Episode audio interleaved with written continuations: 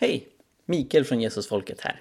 Donald Trump slipper vi ju höra en massa om nu för tiden. Sen han slutade vara president och blev kickad från sociala medier så dominerar han inte den västerländska samhällsdebatten lika mycket som tidigare. Eh, men det arv som han har lämnat är väldigt stort och den influens och den skada som han har orsakat på västvärlden finns kvar, inte minst i form av konspirationsteorier.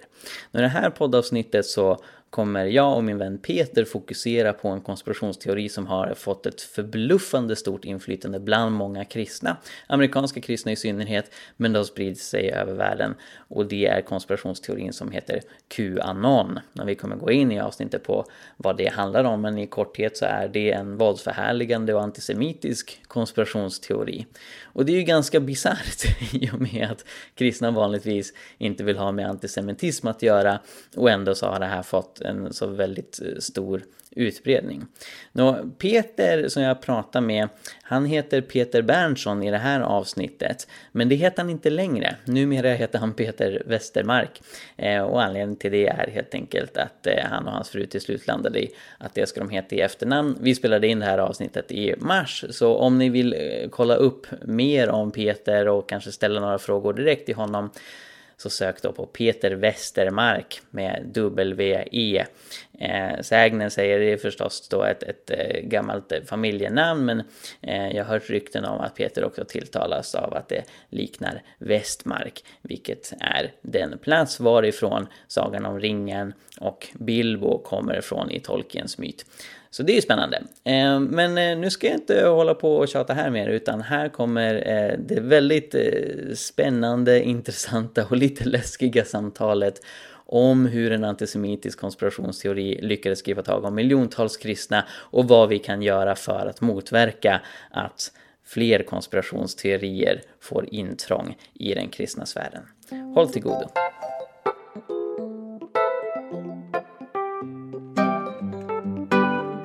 Då säger vi välkommen till Peter Berntsson. Hej Peter!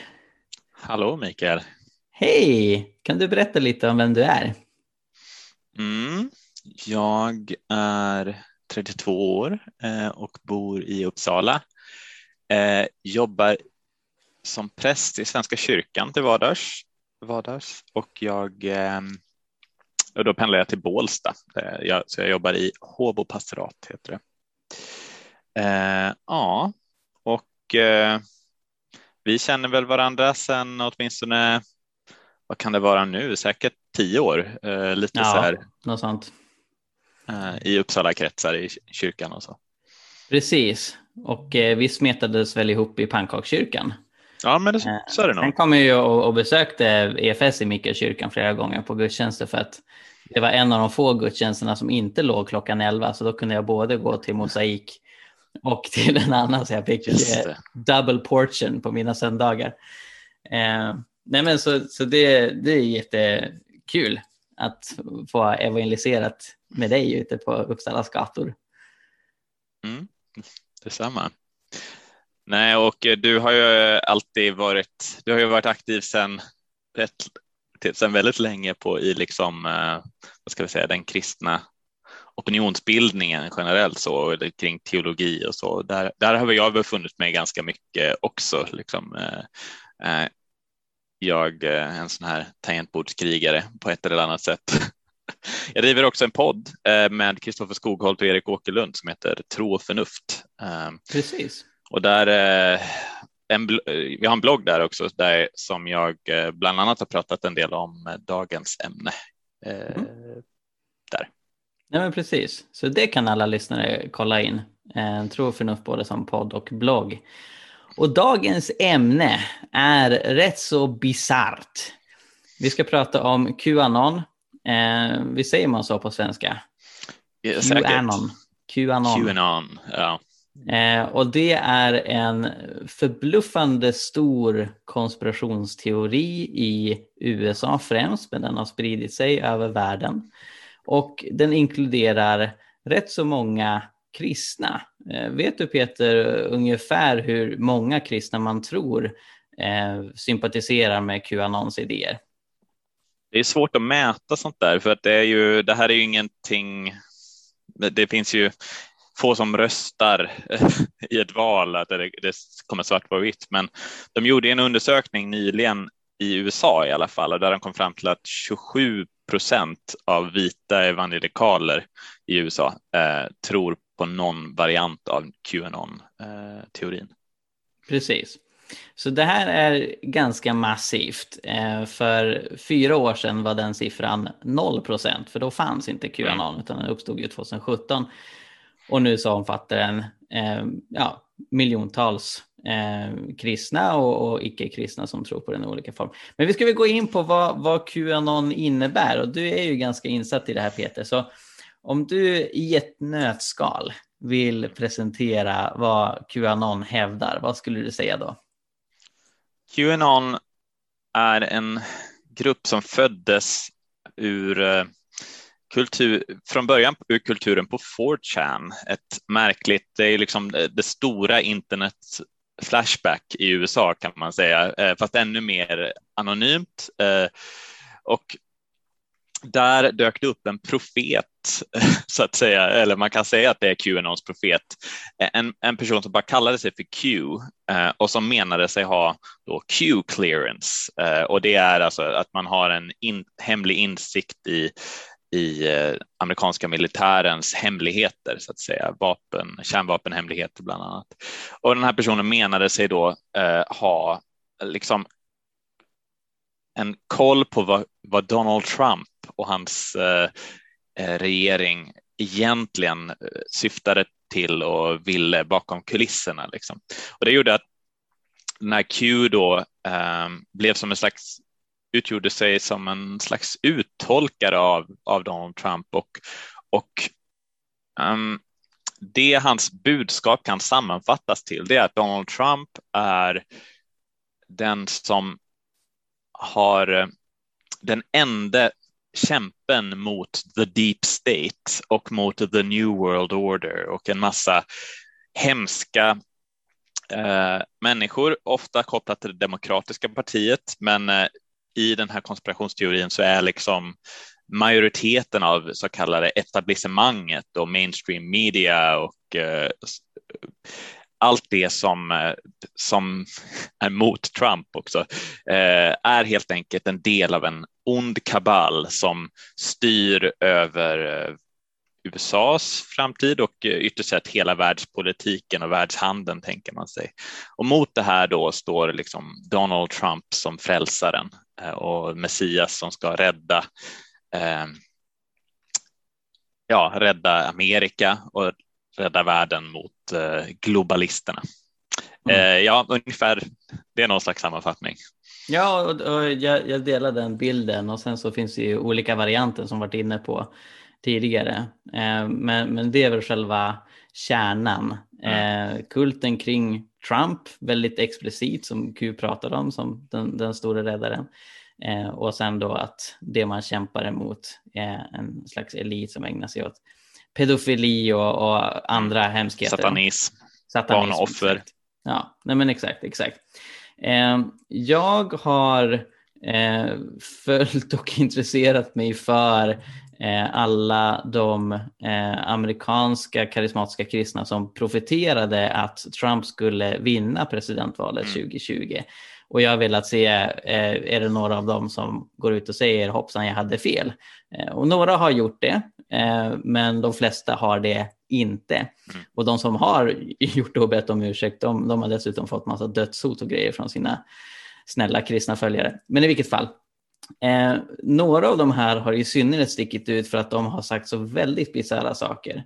Så till exempel så finns en snubbe på Youtube eh, som heter Chris Yoon eh, som var en av de som profiterade att Trump skulle vinna och sen när han inte gjorde det så säger han jo då, men ni kommer få se. Eh, Trump kommer bli återvald trots vad, vad media säger. Eh, och den 20 januari 2021, vilket ju var dagen när Joe Biden installerades som president, eh, då kommer ni få se att Trump kommer vara den som de faktiskt utnämner till president. Så de kommer inte göra det med Biden. Utan det som kommer drabba Biden och massa andra demokratiska politiker, det är avrättning.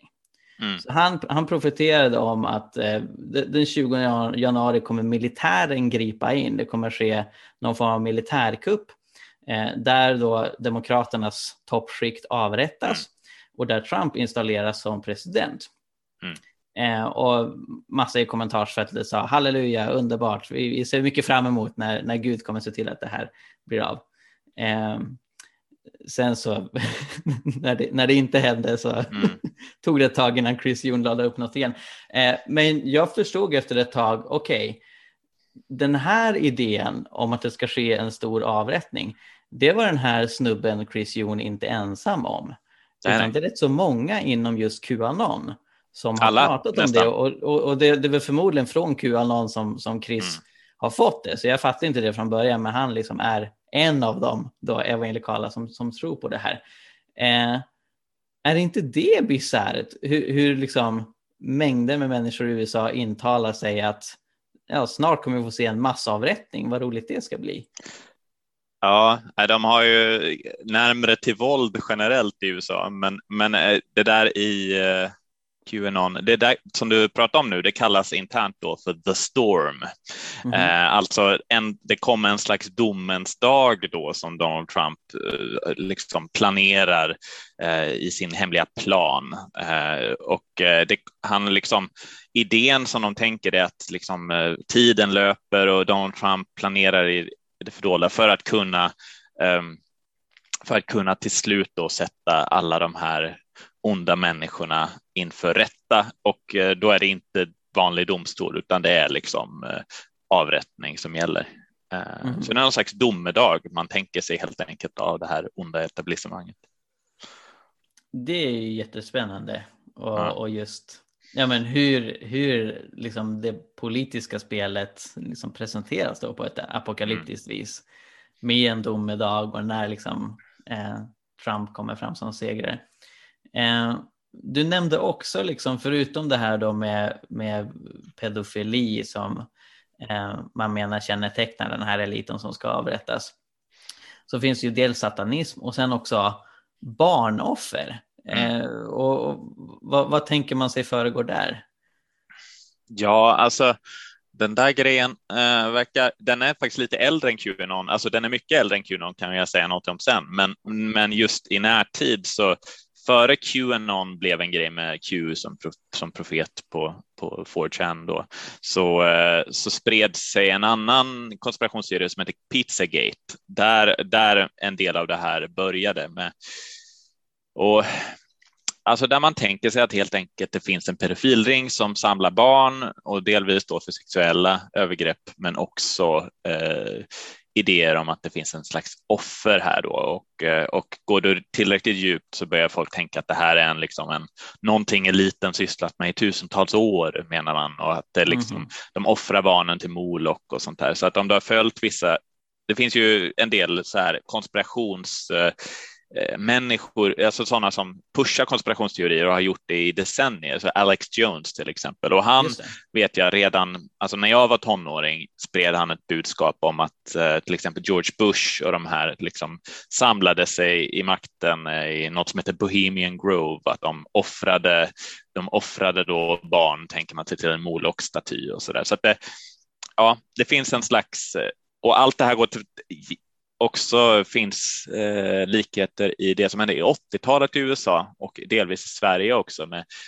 satanisthysterin där man, mm. där man var övertygad om att typ överallt eh, fanns barn med bortträngda minnen av att ha blivit bortrövade och fått övergrepp mot sig. Och det, Um, och det spred sig allmänt i samhället då uh, och uh, massor av dagisfröknar blev uh, liksom inlåsta och fick sina liv förstörda på grund av extremt dålig metodologi där man i rättegångar då kom fram till att barn hade blivit bortrövade till satanistpedofiler. Mm. Och Alex Jones som du nämner där, han är ju verkligen konspirationskung. Mm. Jag vet inte hur många konspirationsteorier som han har främjat på sina olika kanaler och han gör det ofta eh, blandat med reklam för eh, olika prepping-produkter för att folk ska förbereda sig på apokalypsen. Eh, han var en av huvudtalarna eh, på Jericho March som var en framförallt kristen eh, samling i Washington till stöd för Donald Trump eh, mm. som skedde i eh, december 2020. Eh, så det var ju bara några veckor innan den, den, andra marschen i Washington som ledde till att Kapitolium stormades. Mm. Eh, och, och, där var Alex Jones, han hade verkligen en plattform där. Eh, Trump har till och med sagt, alltså Trump har varit med på Alex Jones show yep. och sagt att Alex är fantastisk och Alex yep. Jones är jätteglad att, att Trump är president. För George Bush som du nämner, han var ju republikan, men Alex Jones såg honom som en fiende. Men Trump är något annat. Mm. Eh, och, och, en allierad i, i den här kampen mot eh, eliten som man tänker sig. Trump har ju faktiskt, det finns många som har hävdat att Trump aktivt eller i hans strateger har riktat in sig på konspirationsteoretiker som alltså en del som en integrerad del av hans väljarbas och det är helt mycket i hans strategi bygger på att han, han liksom har sådana här dog whistles eh, som är riktade till. Han säger inte att Qanon stämmer, men han vägrar ta avstånd från det till exempel. Precis, och, och vad jag vet är det inte jättemånga gånger som, som journalister har konfronterat honom kring Qanon, men jag vet att det skedde mm. eh, under en, en utfrågning inför presidentvalet. Och då mm. sa han väl något i stil med att eh, jag vet inte något om Qanon, men jag vet att de är emot pedofili och det är bra. Ja, precis så. Och hur uppfattas det inom Qanon-rörelsen? Vet du det? Ja, ja alltså, de är övertygade om att han, eh, han säger så mycket som eh, Alltså jag menar, de har ju rätt. Alltså, han tar inte avstånd från dem och han vinkar till dem och han. Eh, de tar inte illa vid sig att han att de inte att han inte erkänner dem fullt ut så att säga. Däremot har det väl varit med Kapitoliumstormningen så var, har väl folk blivit mer arga på Trump eftersom folk hamnade i fängelse och blev dödade och så. Det, det var ju många av dem som viftade med Q-flaggor och mm. den här märkliga shamanen eh, som många eh, Trump-anhängare som inte var med i Kapitolium hävdade var vänsterextremist. Han var ju någon slags eh, Qanon-shaman. Ja, ja.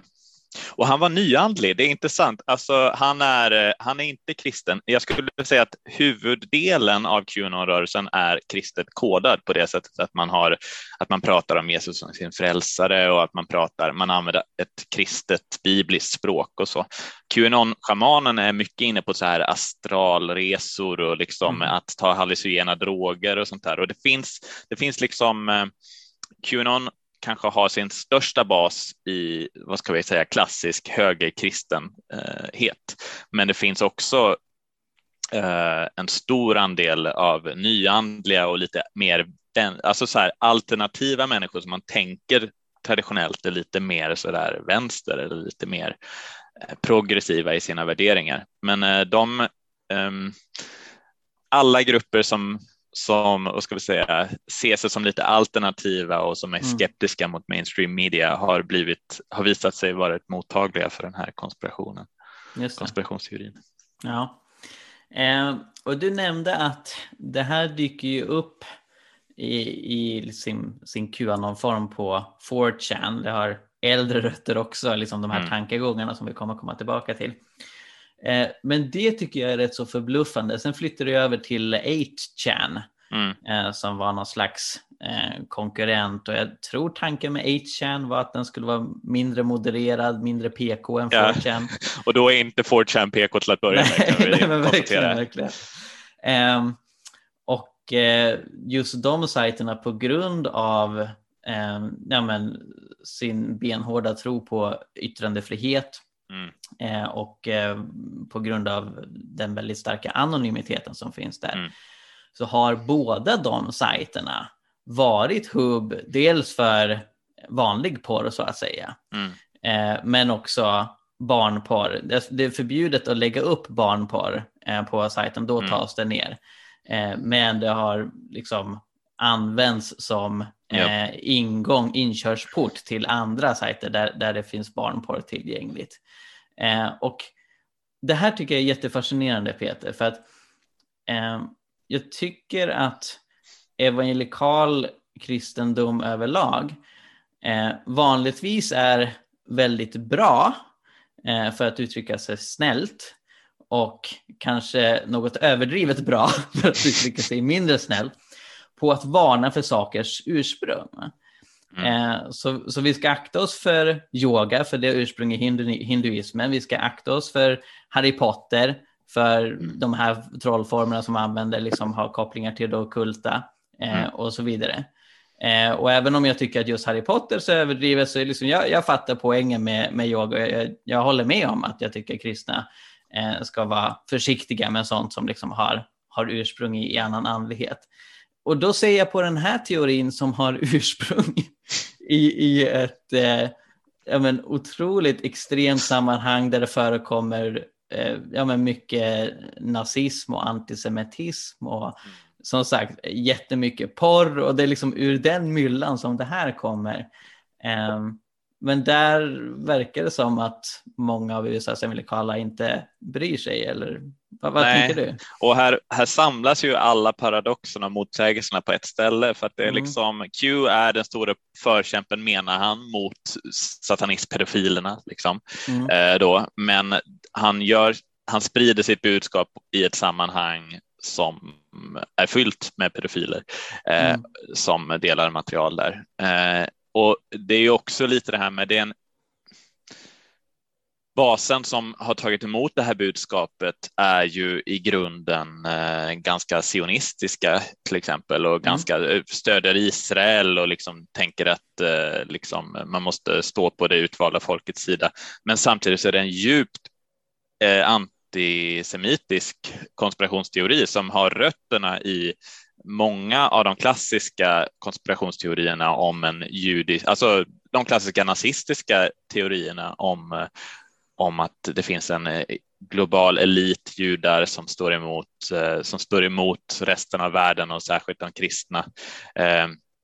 Och att den här, hela den här idén till exempel om att denna elit, globalisteliten, äter eh, barn och gör övergrepp på barn. Det, det, har sitt ursprung i redan kristna medeltida, jag vet inte vad det kallas, blood libel eh, kan man eh, googla och hitta. Mm. Alltså det finns massa exempel i kristen medeltid på när man ger sig på det, Kristusmördarna som man kallade judarna då och att det fanns teorier om att då, ja, men de här judarna rövar bort barnen. Liksom. Och det, den klassiska det är så paradoxalt att samma människor som säger sig stödja Israel och älska judar eh, går på sådana här konspirationsteorier som är uppenbart eh, tagna ur det värsta som har sagts om judar i världshistorien. Mm, nej men precis, jag tror man kallar eh, blood libel för blodsanklagelse på svenska. Mm. Och som du säger, det har eh, hundratals år på, på nacken och det, det är liksom en myt som liksom poppat upp i det västerländska samhället gång på gång. Akta er för den här kabalen som eh, ja, men livnär sig och, och förgriper sig mm. på kristna barn. Eh, och en skillnad är väl liksom att eh, Qanon inte är explicit antisemitisk i den mening att man begränsar det till judar. Nej. Däremot så syns det att man ofta kopplar det till judar, men då kanske inte deras judiskhet som man, som man trycker på. De lyfter men fram man... specifika judar som till exempel George Soros tror de mm. ligger bakom stora delar av världens ondska. Eh, eller då den äldre versionen var att det var Rothschild-familjen. Då, och den, mm, ja. Nej men exakt, och, och det ser jag mer och mer, alltså även i även lokala sammanhang här i Sverige, som kanske inte liksom just förkunnar Qanon eller har särskilt bra koll på det. Men, men just den här rädslan för George Soros just. Mm. Eh, och att man just kallar honom för globalist som är ett ord med, med ursprung i eh, den nazistiska miljön. Sen har det använts på andra sätt också, men, men det, är liksom, det, det, det, det används som kodord för judar väldigt länge. Mm. Eh, och nej, men återigen den här paradoxen att när det gäller eh, ja, men new age och ockultism eh, så, så håller man i det med tång eller inte ens det. Va? Liksom verkligen på avstånd och inte ens det som kommer därifrån för att det är så, så djupt okristligt. Eh, men här så liksom direkt importerar man språk och tankemönster från sådana groteska antisemitiska sammanhang. Eh, och, och, det är ganska förbluffande att att det är så många som inte har något problem med det. Men kanske är det att just om man inte explicit säger att det är liksom en judisk kabal, utan bara några av dem råkar vara judar, då gör det inget att man liksom använder sig av de här antisemitiska troperna, för de är ju sanna eller något sånt där. Att det kanske är så man resonerar.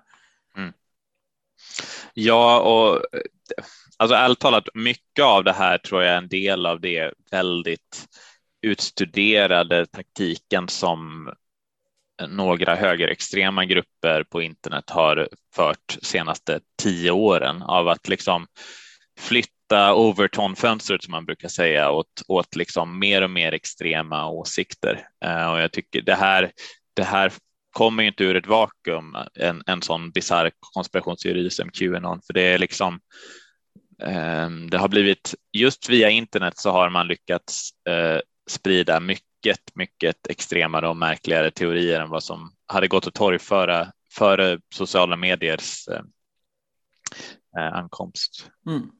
Och det tänker jag beror till viss mån eh, på, på brist av eh, redaktörer på internet.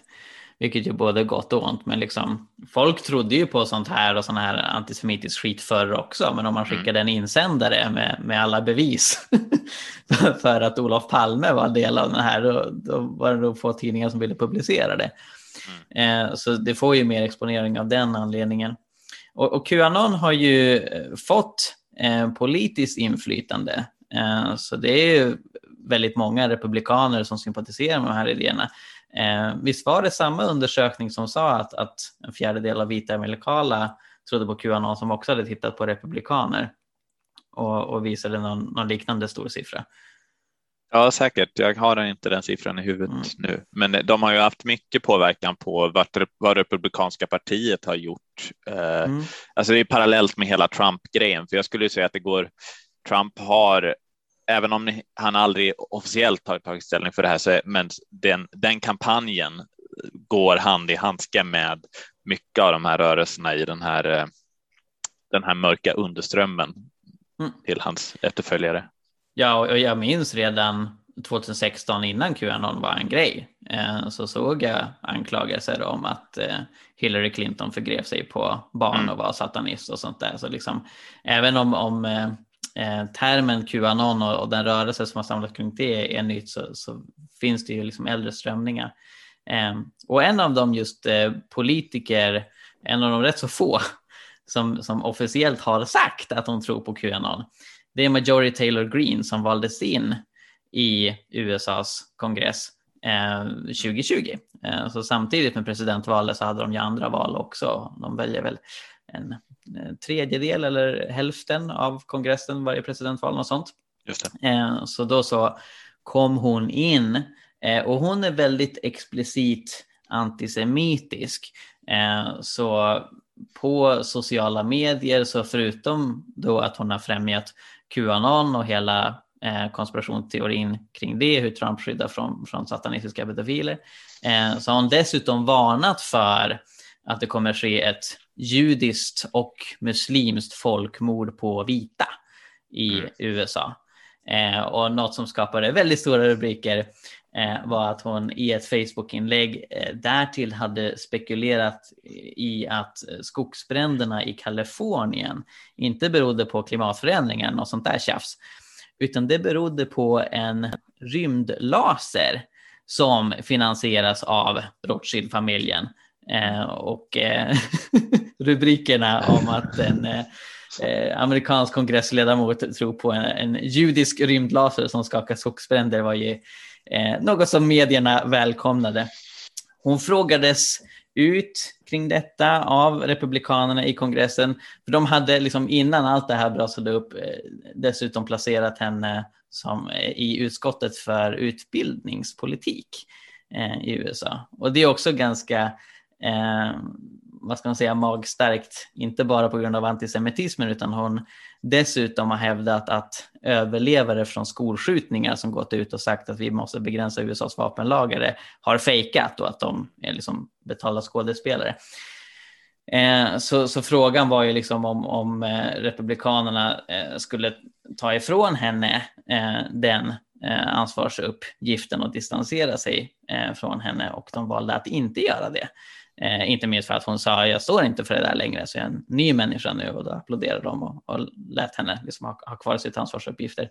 Eh, Demokraterna i USAs kongress var inte lika glada. Jag tror de såg till att hon eh, inte skulle ha något inflytande över amerikansk utbildningspolitik åtminstone. Eh, jag har förstått det som, och när jag pratat med eh, amerikanska vänner, att Majority Taylor Greene eh, är förstås kontroversiell, eh, även bland kristna, men att hon har just rätt så många kristna anhängare. Och när hon lägger upp grejer på sociala medier idag, som ju inte är explicit antisemitiska, utan liksom hur de fightas mot vänsterextremismen och sådär, eh, så är det jättemånga kristna som, som hyllar henne. Så än en gång liksom en person som har varit väldigt explicit antisemitisk får grönt kort av någon anledning. Vad tror du det beror på? Alltså, jag tror att det händer någonting när du, det, det som, det här, det jag beskrev som polarisering, alltså det, det är inte egentligen så mycket att, um, vad ska vi säga, att folk tycker tycker brinner starkt för helt andra saker än de gjorde förut. Alltså så till exempel högern i USA har ju länge kämpat för liksom eh, gun law, alltså att, att, att ha sin second amendment rights och liksom att få ha sina vapen och att man är skeptisk mot eh, liksom eh, socialism och att man är skeptisk mot det ena och det andra. liksom. Men det som verkar ha hänt med en person som alltså som har hänt med Donald Trump, det är att den här, de här mest galna teorierna om att det är judarna som ligger bakom eller globalister och sånt där, att det förs in i hela den här. Jag tror att liksom höger, folk som hetsade på, på, på Fox News och så förut,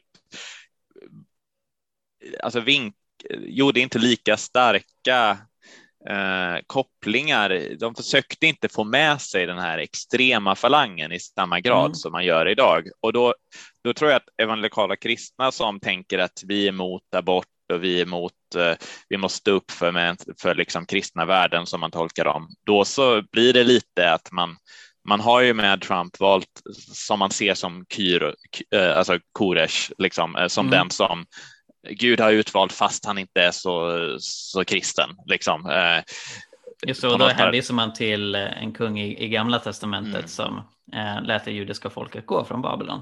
Så trots att han inte ja. liksom, var, var jude på något sätt eller till, tillvalde Israels gud så liksom mm. gjorde han någonting gott. Eh, och, och, då har man jämfört honom med Trump. Att ja, visst, Trump säger massa bisarra saker och har levt ett väldigt syndigt liv, men nu ska ni få se hur, hur Gud använder honom.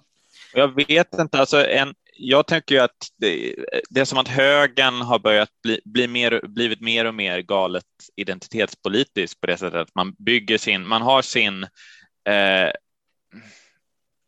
man vill ha in gruppen intakt och man har liksom ett litet ekosystem och saker som är rätt att säga och tänka. Eh, och, eh, alltså det är så märkligt, men jag tror att det har att göra med att det, man definierar sig så totalt med vad man är emot så att man mm. inte behöver få ihop det som man är för. Eh, in, alltså, alla som är min fiendes fiende är min vän, liksom fullt ut på något ja. sätt. Eh, och då så är man så noggrann där med att hålla ut. Så länge som du är mot PK eller som du är mot socialism eller så här mot så är du troligen one of the good guys eller i alla fall inte lika illa. Mm. Och, och, det är väldigt spännande. Det är många som har sagt att, att vi lever i högerns 68 så på samma mm. sätt som socialismen verkligen hade en framskjuts på 60 och 70-talet så nu mm. ser vi hur konservatism och nationalism och ännu mer extrema yeah. idéer har enorm medvind i, i västvärlden. Men en skillnad där är att, att mitt intryck av eh, liksom 70-talets vänster var ju att eh, den ganska snabbt fragmentiserades. Eh, så, så de som var eh, marxist, leninist, kommunister var inte alls som de där hemska marxist, leninist, kommunistiska mm. revolutionärerna och, och, så vidare. Eh, Nej, så, precis. Sen, sen fanns det väl försök att ena vänsterrörelsen också, men jag, jag, jag ser det här väldigt tydligt också i, i Sverige hur väldigt många med väldigt olika agender samlas till exempel under det sverigedemokratiska mm. paraplyet. Eh, jag har stött på extremt få kristna sverigedemokrater som vill att eh, kristna ska utvisas till förföljelse i exempelvis Afghanistan. Mm. Alltså när, när jag har kämpat för kristna flyktingar, då är i mm. princip alla kristna med mig, inklusive Sverigedemokraterna. Ja, mm. absolut, mm. vi ska se till att de skyddas. Eh, men, men Sverigedemokraterna vill ju utvisa dem. Ja, och, och de ateistiska Sverigedemokraterna som ju givetvis främst emot islam, men som tycker att all religion är skit. Liksom. Mm. Eh, naturligtvis vill de utvisa kristna konvertiter till Afghanistan. De ska inte mm. vara här, de är skäggbarn.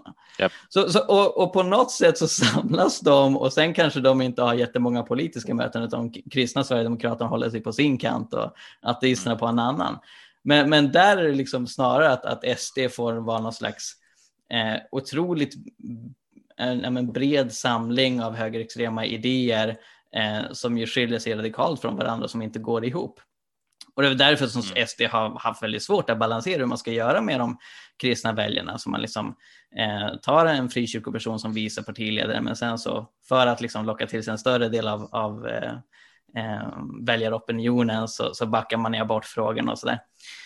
Eh, och det, det, det är ganska eh, märkligt egentligen på ett sätt hur hur högerextremismen kan vara så enande till den grad då att, att allt fler kristna liksom anammar antisemitiska eh, teorier, trots att Jesus var jude och trots att vi, vi i, i grunden har eh, förstås, alltså kyrkan har ju ett antisemitiskt arv som inte är borttvättat. Det spelar väl in också. Men, liksom, ja, men vi lever i en tidsålder när väldigt många av just även lokala kristna verkligen betonar, ja men jag är för Israel, jag är för det judiska folket. Frågan är om inte just det kan skapa en färgblindhet vad gäller antisemitism. Alltså mm. för att man har en så tydlig identitet, jag är Israelvän, så är det otänkbart att man skulle kunna ha antisemitiska idéer. Och då, då börjar man snacka om globalister och varna för dem och man eh, varnar alltså, för ja, jag har träffat flera så här, som kallar sig sionister, men som öppet, som absolut tänker sig att det finns en, jag tror jag till och med pratat med en jude själv som är sionist, så, som, mm. som menar att ja, men det finns ju globalistiska så här, att de, eh, de själva till och med köper den här, eh, de antisemitiska konspirationsteorierna, att det bara skulle gälla en liten elit så att säga. Mm. Um, och, eh, men att man samtidigt då, så att jag, jag vet att det finns folk som tydligt själva har sagt att man är både så att säga tror på konspirationsteorierna om judar och samtidigt stödjer en, en israelisk stat eller i alla fall eh, Alltså en del av sådana sionistiska idéer handlar ju mest om att forsla judar till Israel och eh, att de ska mm. vara där som en del av ett kristet schema där Jesus ska komma tillbaka. De är inte så himla intresserade av de här människorna egentligen, eh, de här faktiska judarna, utan det är ju. Precis, precis, för där, där finns det en fara i att egentligen judar objektifieras. Yep. I synnerhet då av kristna sionister som inte är judar själva. Mm. Där judarna är brickor i ett apokalyptiskt spel. Mm.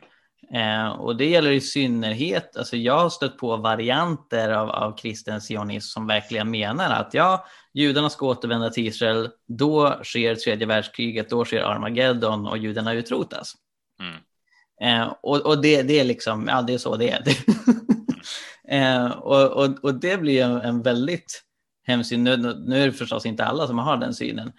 Eh, men, men där är det lättare att förstå, liksom när man på något sätt har objektifierat eller avhumaniserat judarna till att bara vara brickor i ett spel.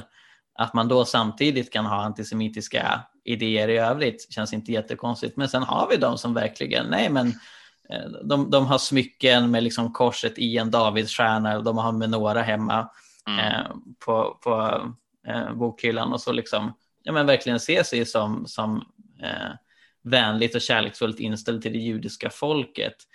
Eh, och samtidigt importera antisemitiska idéer. Men ja, kanske är det en nyckel just att man inte explicit applicerar det på judar. Nej. Och rent teoretiskt, liksom så här, om, om det finns en en världselit trots avsaknaden av bevis. Den behöver ju inte vara judisk. Eh, och jag tror du och jag, liksom, vi, vi ser ju det här mer ur det historiska perspektivet, att det, det är så många i västvärlden som har sagt det här innan dig. Mm. för att de har varit antisemiter och för att det har mm. motiverat förföljelser mot judar. Um, för att uh, det är inte lätt att motivera att man ska sparka på någon som faktiskt uh, ligger ner och som alla kan vara ense ligger ner. Det är mycket lättare att motivera förföljelse av judar om man intalar sig själv, men det är egentligen de som styr världen.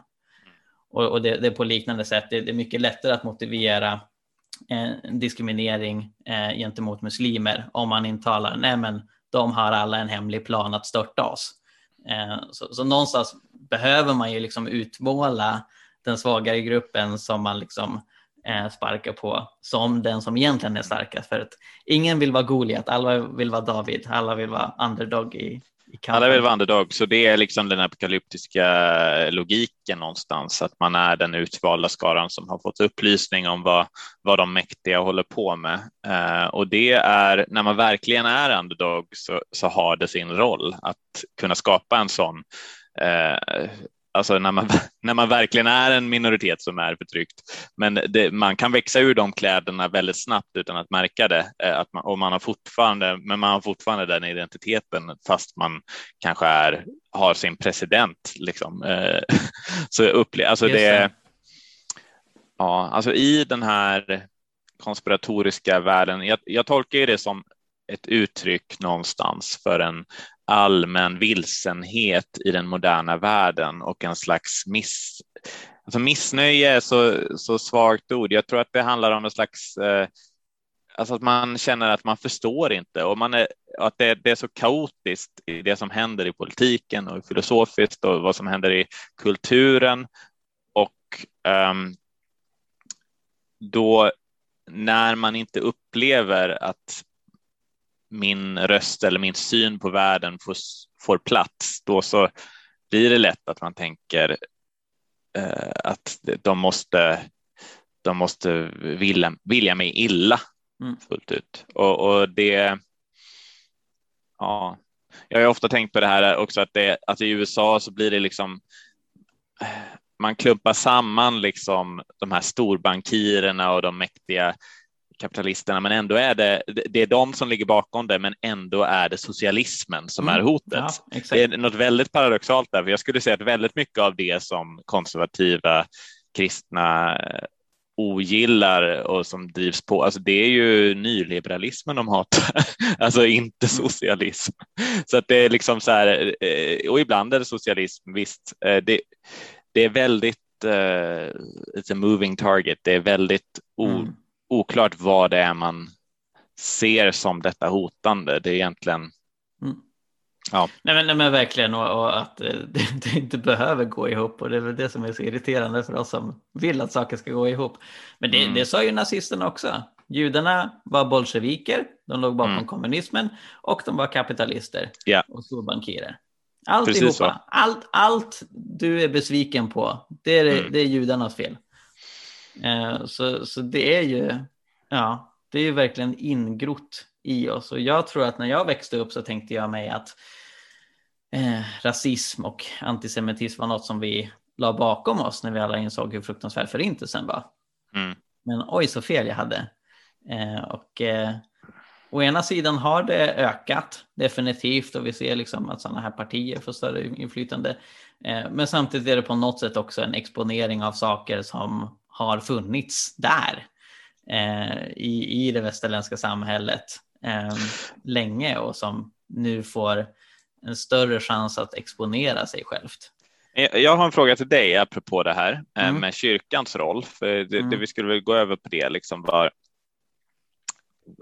varför är det kristna extra, verkar i alla fall i USA, men jag tror att även i Sverige gäller mm. det att kristna är extra mottagliga för den här sortens idéer om världen. Um, jag tror att det bland annat har att göra med att eh, evangelikalism och frikyrklighet, väckelsefromhet mm. har en slags inbyggd um, självbild av att vara den som man lever i Exodus. Vi lämnar Egypten och det fallna imperiet bakom oss. Vi ska lämna Babylon och den stora skökan. Vi ska lämna den, den här världens system och makter och det är, det är en väldigt biblisk grundstråk som, som, som präglar i judendom och kristendom, att mm. man är kritisk mot makten, man är kritisk mot en stora imperiebyggen och, eh, och man är van att ha en underdog och minoritetsidentitet. Och mm. särskilt då i, i Sverige gäller det frikyrkan. Eh, de, de frikyrkor som lämnade den gamla världen och etablerade sig i USA hade med sig den självbilden också av att, så att säga, vi är de som eh, tänker lite annorlunda. Vi är de som mm. sticker ut. Eh, och jag tänker där, eh, du, jag, är ju, jag har ju sållat mig till stadskyrkan så att säga, så att jag, är ju, jag har liksom eh, gjort fred med eh, eliten och eh, etablissemanget så att säga. Men du, mm. du befinner ju dig i en, du är väl anabaptist tänker jag. Och, där, eh, och hur ser du på det utan att det här blir någon slags eh, liksom, resonemang om anabapism eller så, men, men just det här, hur ser du på det här narrativet av att vi ska skilja mm. ut oss från världen och vad det har för för och nackdelar så att säga? Mm.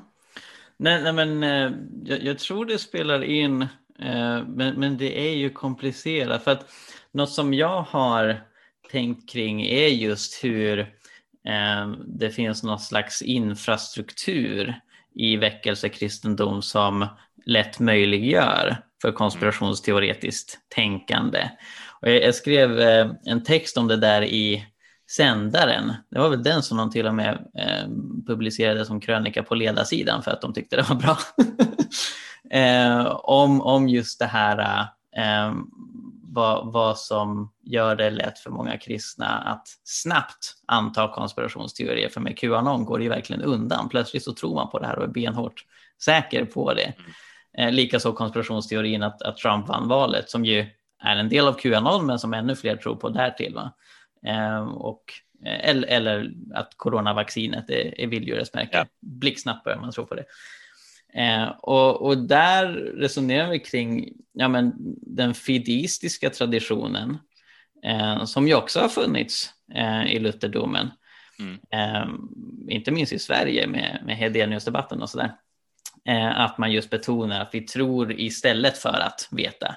Mm. Ingmar Hedenius, för de som inte hängde med på vad jag menar med Hedeniusdebatten, han var då ateistisk religionskritiker och professor i filosofi i Uppsala eh, som på 40 och 50-talet eh, skrev om varför religion är bluff och båg.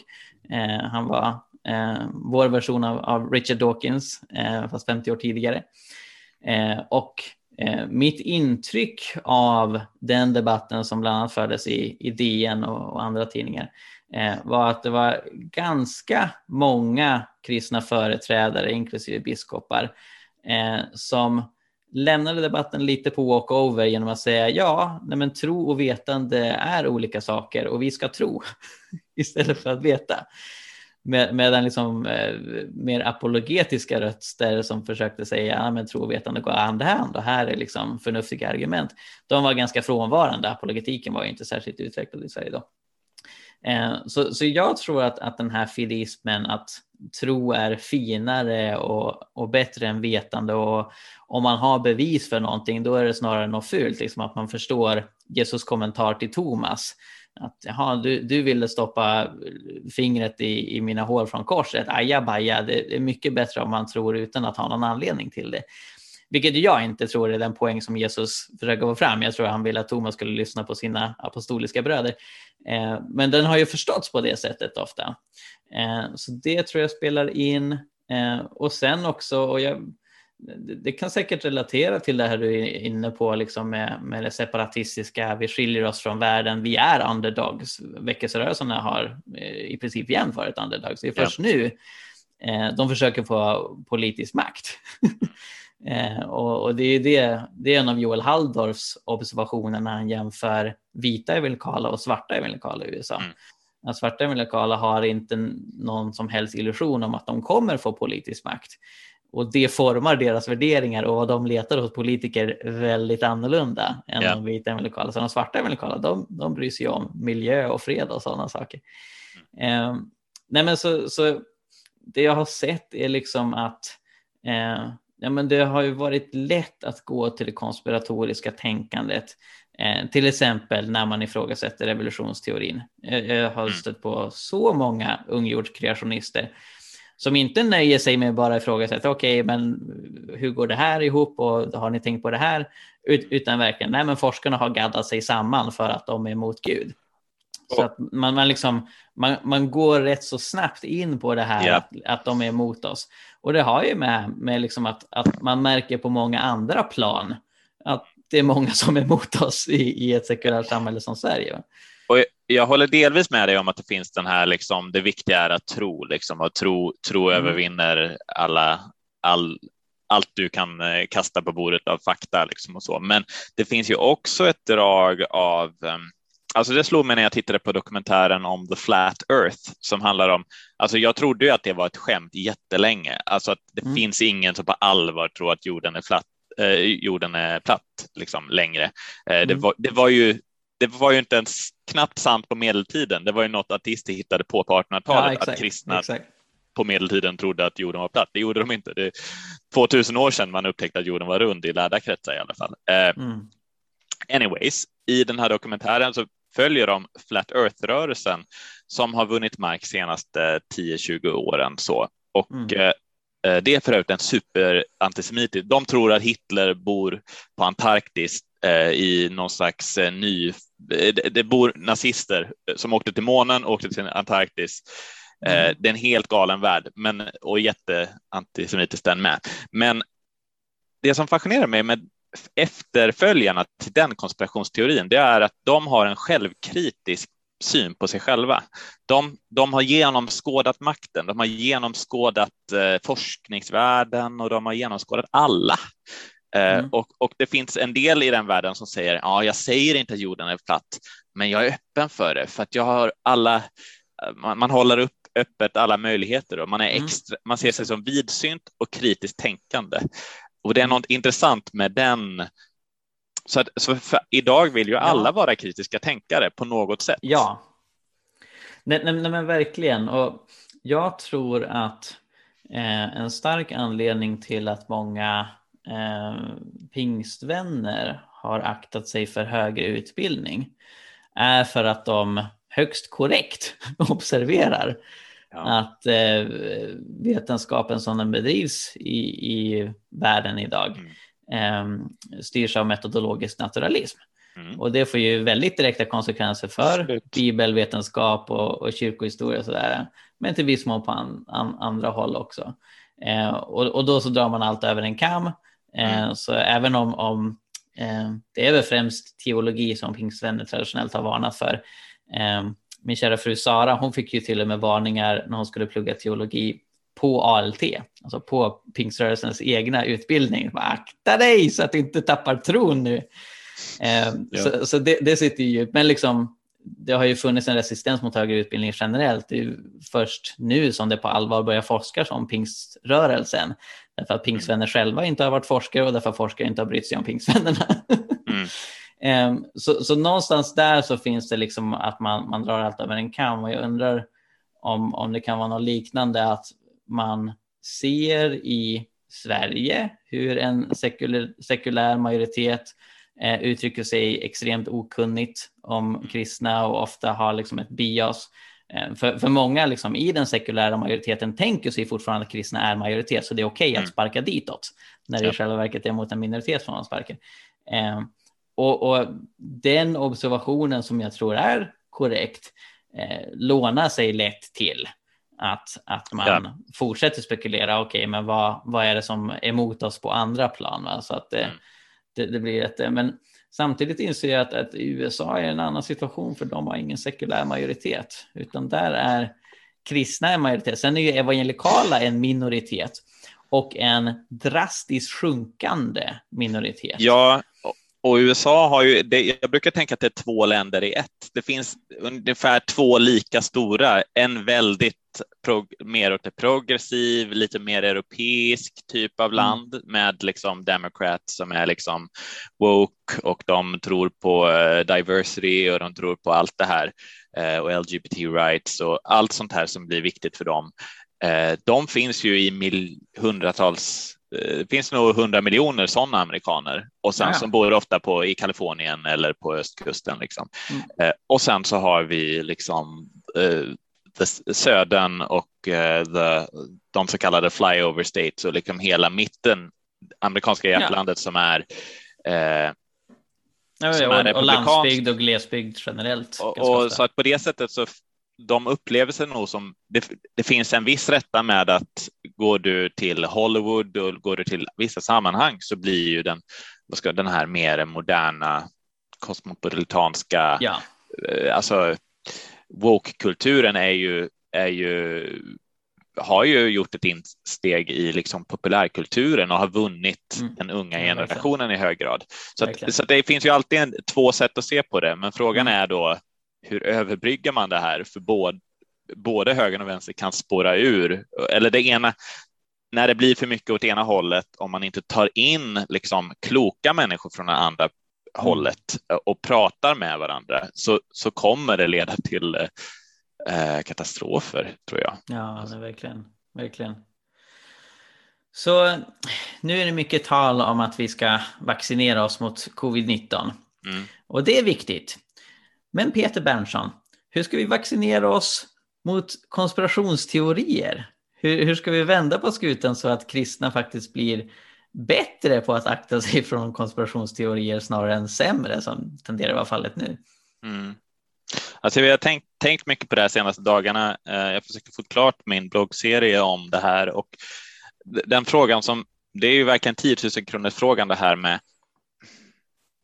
eh, som kristna är vi kallade till att vara till att verkligen vara i världen men inte av världen och till att ha en urskiljning, att vara nyktra och vaksamma inför liksom det som bedrar oss. Och det är ju det, det är så man pratar i konspirationskretsar också. Det gäller att Låt varna er. Det är en bok från eh, Kjell Sjöberg tror jag från 80-talet som är det, är en väldigt intressant bok för att studera överlappningen mellan konspirationsteorier och eh, kristen eh, eh, eskatologi kan vi säga. Mm. Och jag tror ju mycket på att vi behöver hitta en sund apokalyptik, en sund eskatologi och en mm. sund urskiljning som inte drivs av en slags misstänksamhetens hermeneutik som man brukar kalla det, som, driv, som finns i hela samhället, alltså att man alltid ska att man delar upp vi får inte präglas för mycket av en kultur där vi identifierar vem är min vän, vem är min fiende och eh, liksom om du inte tillhör exakt min grupp och exakt mitt sätt att tänka så är det troligen något till fiendesidan. Liksom. Jag tror att det. Um, jag tror att skiljelinjen mellan sanning och uh, lögn går mycket mer subtilt genom varje människas hjärta och i varje sammanhang och att jag tror att urskiljning är någonting vi är av att faktiskt. Ja, alltså att det. Vi kan inte göra på det här sättet att vi delar upp oss i grupper hela tiden. Eh, jag tror att man måste ha grundinställningen att det går att lära av alla människor i någon mån. Mm. Ja, det är några tankar. Mm. Nej men verkligen. Ehm, jag tänker ledare har ett stort ansvar och jag tycker att kristna ledare i Sverige ehm, agerar väldigt bra. Jag har sett flera pingstpastorer som håller mm. predikningar om varför konspirationsteorier relaterat till exempelvis coronavaccinet inte stämmer och så där och markerar mot det. Så på en person som faktiskt predikar konspirationsteorier eh, om coronavaccinet och hur det relaterar till Bill Gates och hur det ska förvandla oss till, eh, förändra vårt DNA och sånt där. Eh, och hans predikan har setts av många, men jag tänker att det beror också på att han är den enda som förkunnar det på svenska. Mm. Så det, det, är ju få, och det är ett väldigt bra utgångsläge. Eh, men internet gör det ju lättare än någonsin för oss att importera just amerikanska idéer och sådär. Så ja, nej men jag, jag tänker att eh, eh, jag, jag, tror mycket på eh, församlingen och att man liksom pratar om sånt här, att man inte liksom tänker att nej men det här är liksom utanför vad vi ska prata om eller fokusera på som kyrka för att när det påverkar så många så liksom det, det kommer drabba oss förr eller senare. Eh, och jag tror väldigt mycket på, på det du säger om en, en sund eskatologi, att, att prata om den sista tiden på ett annat sätt. För väldigt mycket av det här eh, griper tag i det, och vi var inne på tidigare, hur Qanon i sitt egna liksom, politiska ramverk uttrycker sig eskatologiskt.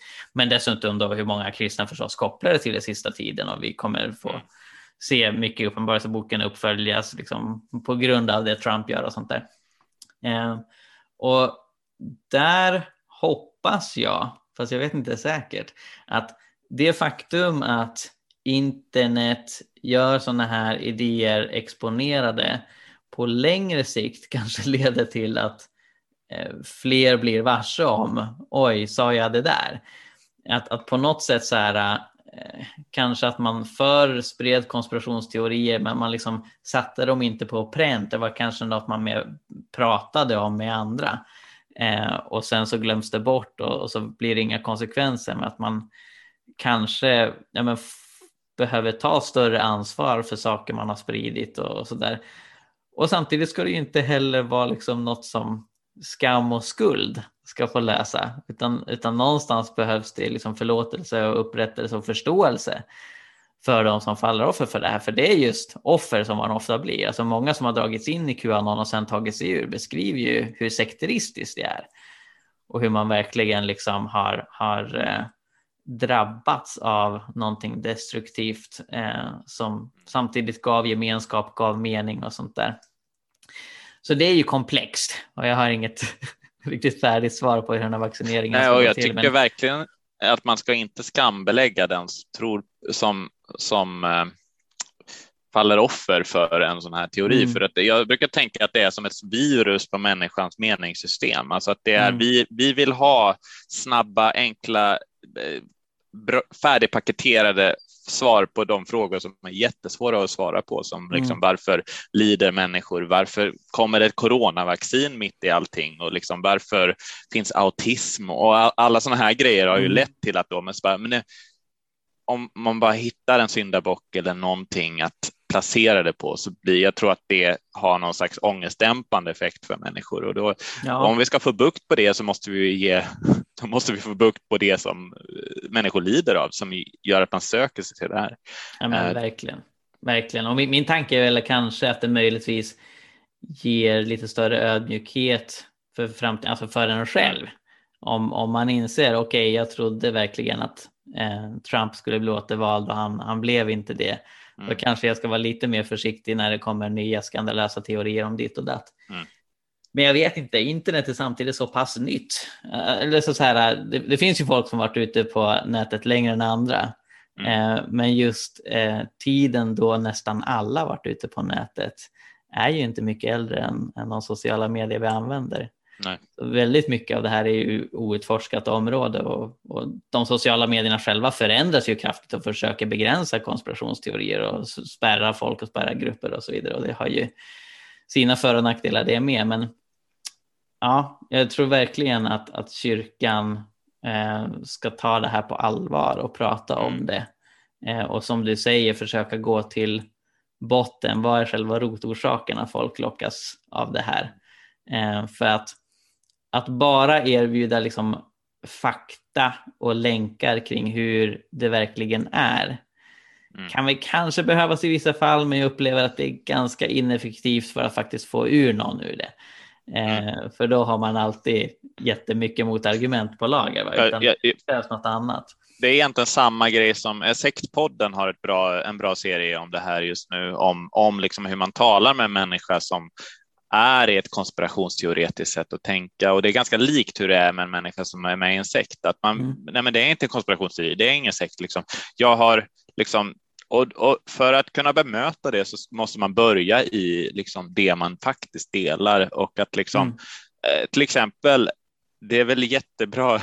Alltså, det är faktiskt bra att man är mot pedofili, liksom. Mm. Eh, men det är bara det att man kanske kan. Man kanske behöver mötas i det man kan vara överens om är dåligt och är ett problem, men man behöver sen liksom ta ner konfliktnivån och kanske när man har liksom etablerat den att man faktiskt eh, förstår vad den andra är genuint oroad över, funderar på, ja, men kan det finnas en annan förklaringsmodell på varför det är på det här sättet? Eller kanske det är, eh, ja, men visa att man bryr sig om och inte bara, för annars kommer man bli inplacerad i det här fiendefacket och då är man körd sen. Mm, ja, verkligen. Peter, stort tack för att du var med i detta avsnitt av Jesusfolket. Tack att jag fick vara med. Och som sagt, om folk vill höra och läsa mer av dig, då ska de kolla upp Tro och förnuft. Så är det.